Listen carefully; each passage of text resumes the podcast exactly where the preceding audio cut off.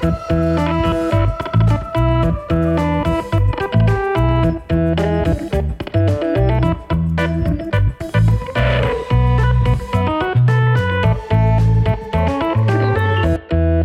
goedemorgen, goedemiddag of goede avond, wanneer je dit ook luistert. En welkom bij de Brief, de podcast over content, marketing en media.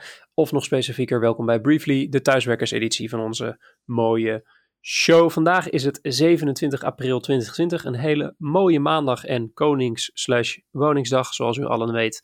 Tijd voor aflevering nummer 19 van onze thuiswerkshow. Aan de andere kant van de lijn, ook op deze officiële vrijdag, Matthijs Tielman. Hallo. Hoe is het ermee? Ja, goed. Lekker twee dagen vrij geweest. Lekker gechilled. Dus uh, vandaag nog voor de boeg. Dus het is wel, uh, wel lekker. En het zonnetje schijnt Ja. nog, hè? Dus, uh, Ja, het wordt een beetje bagger weer de komende dagen. Maar vandaag is nog even, eh, even fijn. Is, is, eh, is het officieel ook een vrije dag in Huizen Tielman? Of eh stiek, sneak jij er stiekem wat werk tussendoor? ik probeer hem zo vrij mogelijk te houden. Maar ik denk dat vanavond toch stiekem wel eventjes de computer open gaat. Om het een en ander een beetje voor te bereiden. Een beetje weg te werken. En her en der nog wat dingetjes te doen. Maar nou, ik probeer het zoveel mogelijk te doen. Maar weet je, als je houdt van je werk, dan is het allemaal niet zo erg, toch? Precies. Bak aan is het, eh, ik, heb, ik eh, ben eh, sinds vanochtend heel even aan de gang en ik werk tot, eh tot 12. En dan eh, gaat mijn vriendinnetje aan het werk. En dan hou ik de avond lekker vrij. Maar ik vond het wel een mooie, mooie dag om heel eventjes wat, eh, wat inhaalwerk te doen. Ja. Ehm, en we hebben deze week eh, twee presentaties die we moeten doen. Dus daar moet ik nog wat laatste dingetjes voor, eh, voor afmaken. Twee pitches. Ehm, dus dat zit ik heerlijk eh, in mijn eentje lekker eh, met een kop koffie, koffie te doen. Ehm, heerlijk, heerlijk rustig. Beetje, beetje alone time ook. Ook wel fijn. Ehm, eh, is het zo dat jij Koningsdag officieel hebt afgeschoten? Of pro- probeer er nog met een van die digitale rerun-achtige initiatieven nog wat, wat van te maken?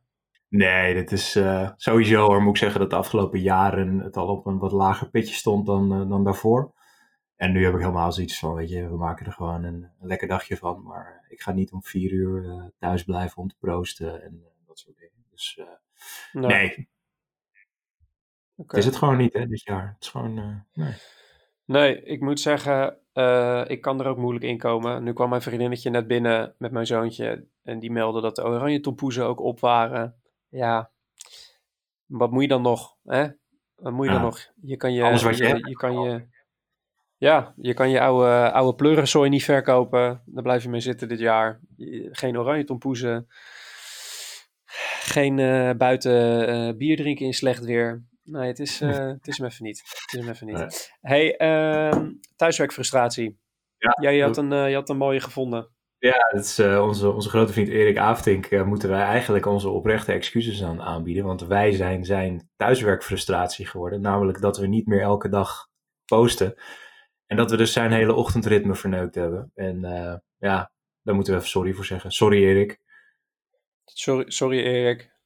Sorry, opre oprechte, oprechte excuses. Ik, we beloven je bij deze dat het ritme van maandag, woensdag, vrijdag, wat we deze week gaan inzetten, eh, streng eh, eh, wordt nageleefd. En dat je dus in ieder geval op die dagen je oude ritme weer, weer kan oppakken. Moet je alleen donderdag en dinsdag nog eventjes invullen. Maar dat, we vertrouwen erop dat je daar wel, daar wel uitkomt. Ehm, een tweede thuiswerkfrustratie die ik nog vond was van eveneens een vriend van de show, Arne Stierman op Twitter. Die, die postte mensen die denken dat Safari op Mac een echte browser is. En vervolgens gaan zeiken dat software niet werkt. Safari doe je maar lekker in Kenia. Hash- Hashtag thuiswerkfrustratie, hashtag conference call etiketten. Eh, die vond ik ook wel mooi. Eh, jij, ik weet dat jij een vervent eh, Safari-gebruiker bent. eh. Ja, ik, ik lees dit nu in Safari. Dus ondervind, jij, ondervind jij problemen met, met die keuze? Of, ehm, nee.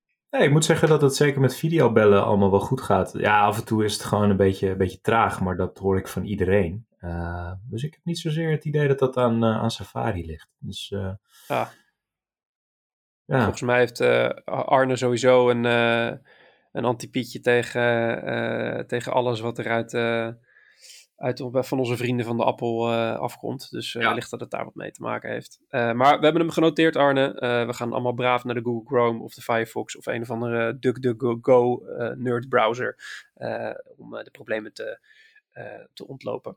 Ehm, had je persoonlijk nog een thuiswerkfrustratie, Matt, waar je, mee, uh, waar je mee zit, die van je hart af moet? Ja, het is, het is, uh, ik, ik heb best wel last van hooikoorts. En dat seizoen dat gaat nu natuurlijk uh, volle bak van start. En ehm, ja, het is thuis en in en of om het huis voornamelijk. Dan sta je met je kind in de speeltuin en dan heb je gewoon een hooikoortsaanval.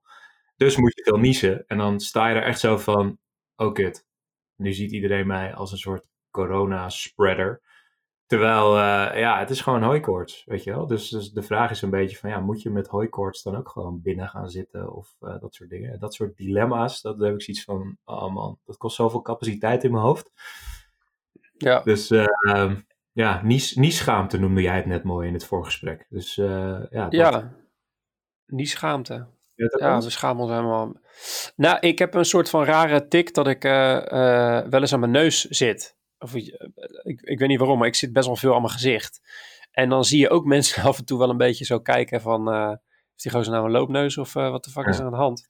Uh, ja, dus uh, dat, ik, ik, ik moet zeggen dat je, je let daar wel uh, wat meer op. Je, ik, ik merk wel aan mezelf dat ik me wat krampachtiger gedraag uh, buiten. Ook als het gaat om het ontlopen van mensen. In, in de supermarkt bijvoorbeeld voel ik me net een soort Pac-Man. Als ik zo'n ja. zo'n zo'n pad inloop, dan zie ik daar twee mensen staan. Nou, dan keer ik me om, ga ik naar een ander pad. Kom ik daar weer twee mensen tegen. Dus zo, zo probeer je heel krampachtig je toch wat te houden aan die regels. Wat in de praktijk toch... Ja. ja. soms niet helemaal lukt in sommige situaties. Weet je wat mij opvalt in de supermarkt? Dat het bij het melkvak gaat het altijd fout. Met afstand. In, in het grote gedeeltes van de supermarkt lukt het wel, maar bij de melk gaat het altijd verkeerd. Dus melkzuivel, dat soort dingen. Het viel mij, ja. viel me op.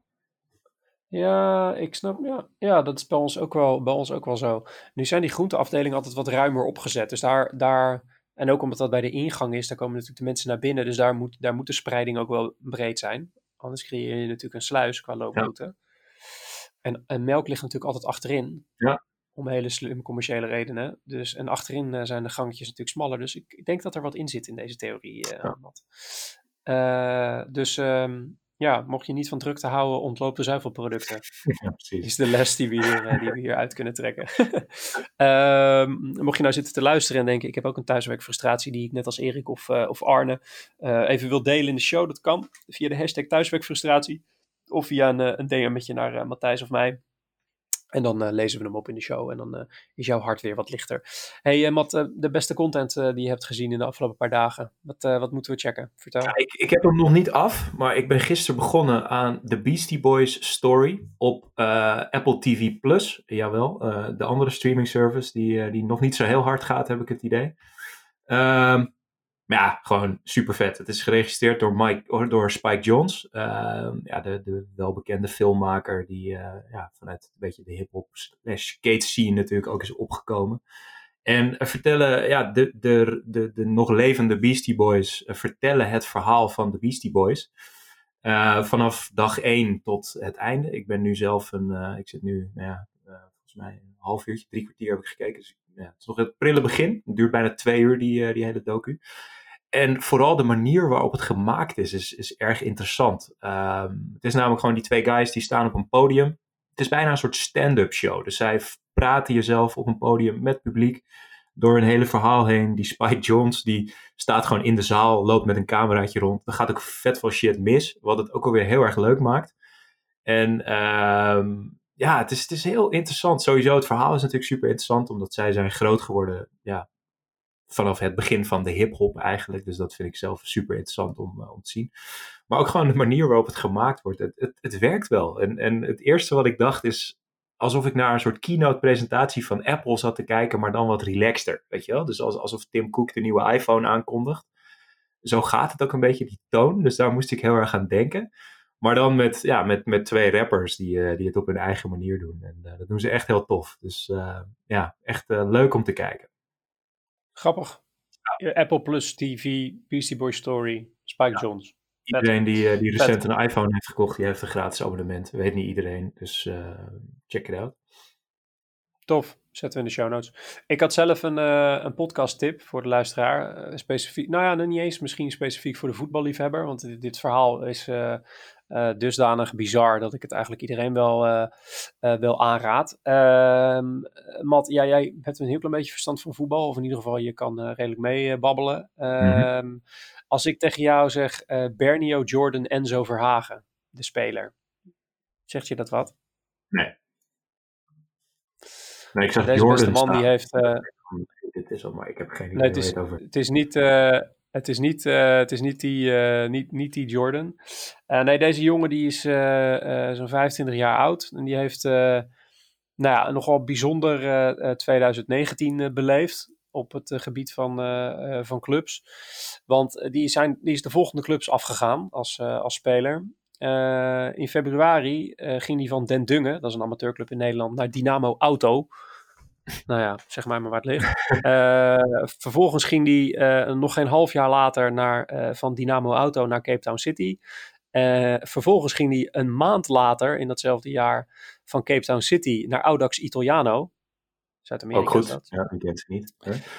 Chili. En vervolgens ging hij in november van datzelfde jaar van Audax Italiano naar Viborg FF. Dat is in Denemarken. Ehm, en bij al die clubs heeft hij geen wedstrijden gespeeld. Dat is een gek verhaal. Ja. Dat is een gek verhaal. Eh, en het wordt nog gekker, eh, want deze jongen eh, is vervolgens opgepakt in Denemarken voor mishandeling, poging tot verkrachting, et cetera, et cetera. Ontslagen, of in ieder geval afgestoten door zijn club in Denemarken om allerlei schimmige redenen. Ontsnapt uit de handen van de politie. Nou, meer details over dit bizarre verhaal ga ik niet delen. Ik hoop dat je interesse als luisteraar en eh, bij jou, Matthijs, inmiddels gewekt is. Eh, want deze eh, zogeheten spookvoetballer, deze zogeheten eh, eh, Enzo Verhagen, of Bernio Jordan Enzo Verhagen. Ja, ik kan je wel stellen dat het een van de grootste oplichters is in, of lijkt te zijn, want er is nog niks officieel bewezen in, de, in de meest recente voetbalgeschiedenis. Het is een werkelijk waar bizar verhaal. Eh, en eh, is, eh, is opgetekend of in ieder geval vastgelegd door eh, de podcast van Vice Sports. Ehm, dat die heeft zo'n, totaal zo'n vier verschillende afleveringen gemaakt over deze jongen. waarvan aflevering 1 eh, gewoon een interview is met deze gast. waarin hij vertelt over zijn bizarre voetbalavonturen. Maar op dat moment is er van eh, alle schandalen eh, nog helemaal niets bekend. En de maker van deze podcast, Sam van Raalte, eh, die dat overigens uit- uitstekend doet, die ontdekt dus gaandeweg dat er iets niet helemaal klopt aan dit verhaal. En die gaat dat helemaal uitzoeken. En op die weg volg je eigenlijk ehm, eh, die vier afleveringen. Dus dat is echt. ik heb met stijgende verbazing deze week de laatste delen beluisterd, want die zijn de afgelopen week uitgekomen. Het is echt een bizar verhaal. eh, en volgens mij een kwestie van tijd voordat Sam eh van Raalte, de maker van de podcast, een belletje gaat krijgen van een aantal filmmakers. Want dit moet gewoon verfilmd worden. Hm. Ehm, dus die wilde ik even tippen. De, de afleveringen over Bernio Jordan en Enzo Verhagen. Een hele mond vol.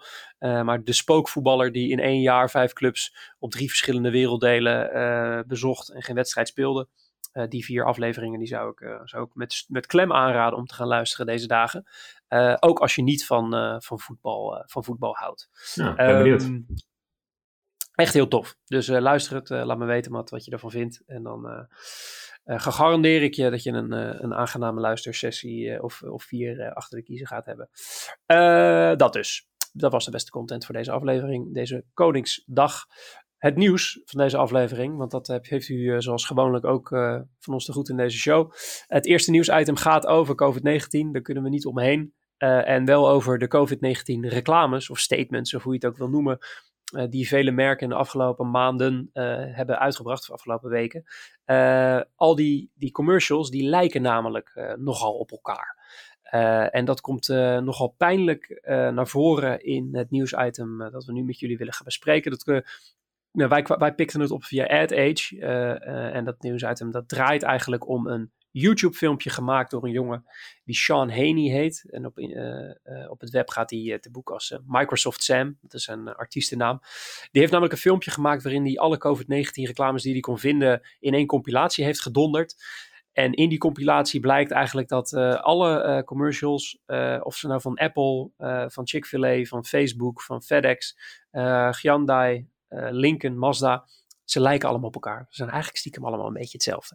Eh, allemaal pianomuziek, allemaal woorden als challenging, trying, uncertain, unprecedented times. eh, when door- doors are closed, distance between us, stay connected, safety of our home. Eh, al die, die termen die komen veelvuldig voorbij. Eh, ja, je, je schiet er een beetje van in de lach als je het ziet. En tegelijkertijd ja, zegt het ook wel iets over merken en over hoe merken zich gedragen in dit soort uh, tijden van crisis. Uh, Matt, je hebt het filmpje ook gezien. Ja. Wat, was jouw, uh, wat is jouw strategisch gevoel hierbij? Ja, het zijn allemaal merken die vinden dat ze iets moeten roepen. Dat was mijn gevoel. Van, van we moeten iets in deze tijden. En ehm, ja, waarschijnlijk een reeds ingekochte zendtijd vullen met een, een niet-offensive boodschap. Maar je ziet dus ook wel dat ja, die niet-offensive boodschap totaal inwisselbaar is en, en uh, niet uniek, niet onderscheidend. Uh, ja, in die zin een beetje zonde van het geld. En, de vraag is inderdaad ook, zit de, de, de, gemiddelde kijker te wachten op een boodschap van Chick-fil-A dat ze er voor je zijn en in deze zware tijden. En dat ze graag connected willen blijven en vooral dat je veilig in je huis moet blijven. Ja, het is, het is lief dat ze het zeggen, maar ik denk dat uh, de gemiddelde persoon uh, andere problemen heeft en dat je daar als merk helemaal niet zo uh, ja, bovenop moet zitten. Ja, ik heb ook, ik, bij mij persoonlijk gaat het een beetje jeuken op het moment dat het te serieus wordt. Dus dan, dan voelt het een heel klein beetje alsof een merk zijn publiek gewoon niet zo heel serieus neemt. Ja. Snap je wat ik bedoel?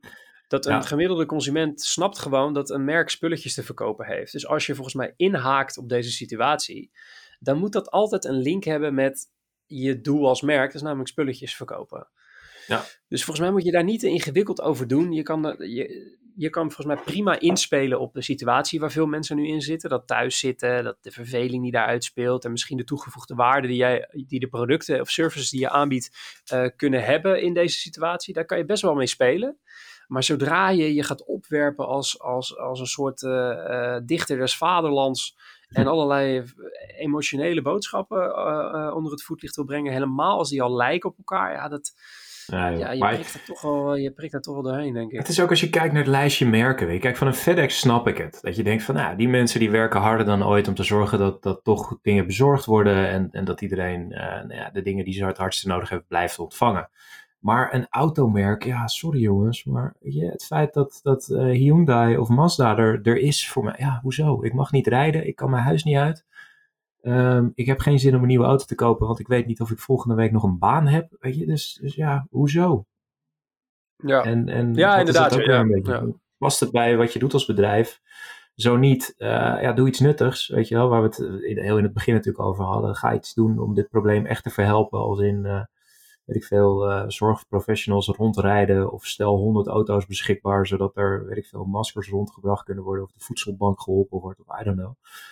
Maar inderdaad zo'n zo'n holle boodschap waarin ja, eigenlijk je doel nog steeds is om, om top of mind te blijven en het liefst toch nog zoveel mogelijk spulletjes te blijven verkopen. Ja, uh, op deze manier werkt dat niet.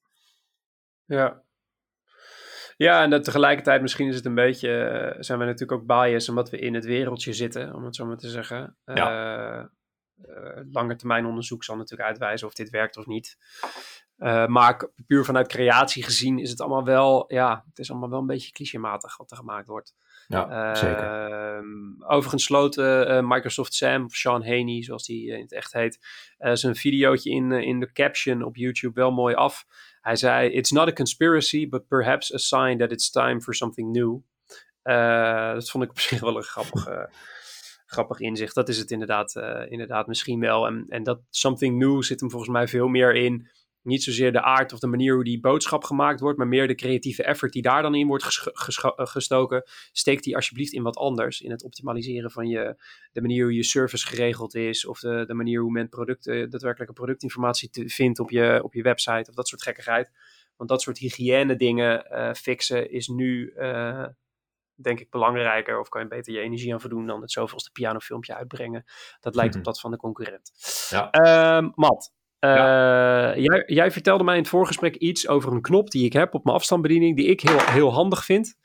Uh, dat daar, daar, daar zit iets achter. Ja, ja ik, vond, ik, leuk, vond ik leuk om te horen. Vertel. Precies. Ik, ik zat een beetje te lezen en toen kwam ik dus een artikel tegen op The Verge.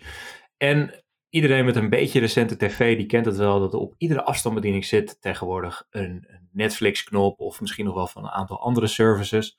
Bij mij zit er bijvoorbeeld ook een Amazon Prime-knop op. Um, naast die Netflix-knop. En ik had zoiets van, ah, dat zal uit een soort van consumer research komen, dat mensen daar behoefte aan hebben, want anders gaan ze dat natuurlijk niet doen. Um, maar uiteraard is dat natuurlijk anders. Want het is gewoon reclame. Weet je, we hebben allemaal het ding iets vaker dan gemiddeld in onze handen, denk ik, in deze tijd zeker. Ehm, en die knop is gewoon een billboard in je huis waar je heel vaak naar kijkt. En dat vond ik eigenlijk best wel heel slim. Dat een of andere slimme marketeer dat dus bedacht heeft. ja, het is gewoon een, een uh, ja, wat ik zeg, een billboard waar je naar kijkt. Je ziet elke keer het logo. Uh, als je uh, geen abonnement hebt, word je er continu aan herinnerd van, ah ja, ja misschien toch maar een abonnementje nemen. Of je kind drukt weer sprongelijk op die knop. Of dat, dat gebeurt hier nou ook nog wel eens met enige regelmaat als hij de, de afstandsbediening weer eens gejat heeft. Um, en dan word je er ook weer even aan herinnerd dat je of de service al hebt, of dat je toch een abonnement moet nemen. En, en uh, ja, super slim. En wat blijkt, en dat wist ik dus ook niet, uh, de makers van deze apparaten, dus de, de, de tv-producenten of de, ja, je hebt ook die, uh, die, die, kastjes die je ertussen houdt, zoals de Roku bijvoorbeeld in Amerika, die vragen daar gewoon geld voor. En Roku heeft die cijfers bekendgemaakt en die vangen dus 1 dollar per knop per maand. Ja, als je dan bedenkt hoeveel van die, van die toestellen er verkocht worden, uh, dan wordt er dus echt gierend veel geld verdiend per maand. Dus dat is best wel een lekkere steady business. Als je bedenkt hoe lang een tv gemiddeld meegaat, dan is dat volgens mij best wel een aardig potje geld wat die, uh, wat die producenten van, die, van die kastjes en, uh, en, en tv's dus binnenharken op deze manier. Dus ja, als je het hebt over passief inkomen, dan is dat wel, uh, wel het schoolvoorbeeld, ja. Exact. Ja. 1 euro per knop per maand, dat is wel aardig wat, ja. Ja, dus elke keer als jij je afstandsbediening pakt, dan word je gewoon geadvertised door Netflix, Mark. Wat vind je daarvan? Nou, kijk, weet je, voor mij aan de consumentenkant is het, uh, en, en, ook als gebruiker van Netflix, is het gewoon een verdomd handige ingang richting, uh, richting de service die ik graag gebruik. en het voorkomt dat ik door die, uh, door die, uh, die langzame UI van, dat, van, van in mijn geval LG uh, heen moet ploegen. Want mijn hemel, wat zijn smart TV's toch verschrikkelijk. LG staat wel te boek als, de, als, de, als degene met het, met het soepelst lopende OS. Maar, oh mijn god, fix dat alsjeblieft eventjes. zeg maar de, de, de responstijd die een, die een Apple TV heeft uh, dat, is ongeveer 25 keer zo snel als, uh, als wanneer ik een knop op mijn afstandsbediening indruk en dat het OS een keertje wat gaat doen. Ja. Los van het feit dat het er allemaal niet uitziet. Maar goed, dat is mijn persoonlijke frustratie. Um, dus voor mij als consument, want we hebben het over die Netflix-knop, ja, is het best wel, uh, ik vind het best wel prettig, best wel handig. Ik ben wel heel erg benieuwd wie dit als allereerste heeft voorgesteld. Of dat Netflix ja. was of degene die de televisie maakt. Dat is interessant. Ja, ik weet uh, dat LG heeft volgens mij zo'n knop. Roku heeft zo'n knop. Volgens mij heeft eh, Samsung zal waarschijnlijk ook wel een, een telefoon hebben waar, of een, een, een afstandsbediening hebben waar je mee dit kan doen. Ja. Dus, um, maar goed, dit moet natuurlijk ergens vandaan komen. Er is ooit één slimme marketeer aan een van die kanten van het hek geweest die zei, joh, moeten wij niet een keertje met elkaar aan tafel? dus um, ja, interessant, interessant. Ik wist, ik wist het niet. Ik, uh, ik zag het gewoon 100% als consument en dacht alleen maar, god, dat is handig. Uh, maar het is inderdaad gewoon, uh, gewoon reclame. En denk ik ook wel een kwestie van tijd voordat ze het signaal op conversie doormeten. Dus dat, ja. je, dat, dat, ze nog eens wat extra's krijgen op het moment dat jij je registreert vanuit, vanuit die knop als nieuwe gebruiker. Ik heb heel even snel gegoogeld. Wanneer denk je dat dit voor het eerst is ingevoerd? Uh, de, met Netflix of überhaupt een, een soort snelkoppeling naar een service? De, de, de Netflix-knop. Uh, dat zal 2015 of zo? 2011 is het eerste artikel wat, uh, wat ik zie zo gauw. Oh, wauw. Ja, de, kijk, de techniek zelf is natuurlijk super, ja, hoe zeg je dat? super primitief bijna. wat het is gewoon een snelkoppeling in principe die je via dat infrarood dingetje naar je, naar je televisie schiet. Ja, dus in principe is het niet zo heel ingewikkeld. Het is gewoon hetzelfde als dat schakelen naar je HDM, HDMI-ingang. Ja. Uh, maar dan uh, volledig op software gebaseerd en niet uh, een stukje hardware. Dus in principe is, is, het niet zo heel gek dat het al langer bestaat. Ik heb ook op mijn ding trouwens ook een Amazon Prime-knop ja. zitten. Kan ik nog een reet mee. Maar, dus, dus het is ook nog eens... Beschikbaar in Nederland. Oh ja, tuurlijk, dat is waar. Ja. Dat is waar. Nou, misschien moet ik daar ook eens aan. Uh, dus het is geen exclusiviteitsdeal ook nog eens. Dus dat is ook wel grappig. En het is natuurlijk gewoon een kwestie van tijd voordat we alleen nog maar dat soort knoppen hebben. Omdat uh, kanaal 1, 2 en 3 ons helemaal geen hout meer zegt. Ja, dat is wat je nu Kijk, ik heb, ik heb vrij recent een nieuwe tv gekocht en daar zitten geen cijferknopjes meer op. Weet je, het is gewoon harder, zachter, kanaalswitch. En je hebt een soort navigatietoets, zo'n vierpuntstoets. En dat is het. Meer zit er niet meer op. Weet je wel? Dus inderdaad zou je kunnen voorstellen dat je straks alleen nog maar een, uh, een aantal van die services knopjes hebt. En uh, die je dan misschien zelfs nog het liefst zelf kan programmeren. Um, omdat je bepaalde diensten misschien niet eens kan gebruiken in, uh, in Nederland. Um, ja, de afstandsbediening. Gewoon radicaal veranderd de afgelopen jaren. Ja, vet. Tof. Tof. Leuk, leuk nieuw feitje. Ik, we, sluiten af met een mega luchtig, maar ik vond het gewoon zo grappig dat ik het niet kon laten liggen. Leuk, leuk nieuwsdingetje uit eigen land. dat is namelijk een nieuwe campagne van, van de, de, de provincie Twente kan je het wel noemen. Marketingbedrijf Visit Twente en, uh, en Lemon Center Tea, het bureau, hebben namelijk een nieuwe campagne ontwikkeld rondtrent uh, werelds eerste koufluencer. Dat is een, een koe als influencer. Liesje22 heet de koe. En die neemt het Instagram-account van Visit Twente tijdelijk over. Met als achterliggende gedachte, joh, wij kunnen niet naar buiten. maar over een tijdje kan je weer Twente in. Dus Liesje22 neemt je alvast langs alle hotspots in de, in de streek, uh, moet ik zeggen. Uh, uh, dus en die foto's zijn best wel mooi gemaakt. Dus nu op het Instagram-account van, van Visit Twente kan je dat allemaal, allemaal zien. Ik zei trouwens net provincie, maar Twente is natuurlijk helemaal geen provincie. Jawel, toch? Twente is toch een streek? We vallen hier echt zo door de mand. Ja, dit moeten we er wel even uitknippen. Nee, Twente is een streek. Twente is een streek. Nee, dit is een provincie. Nee, provincie Overijssel. Jezus, dit is echt ja, gênant. Twente, Twente is een streek.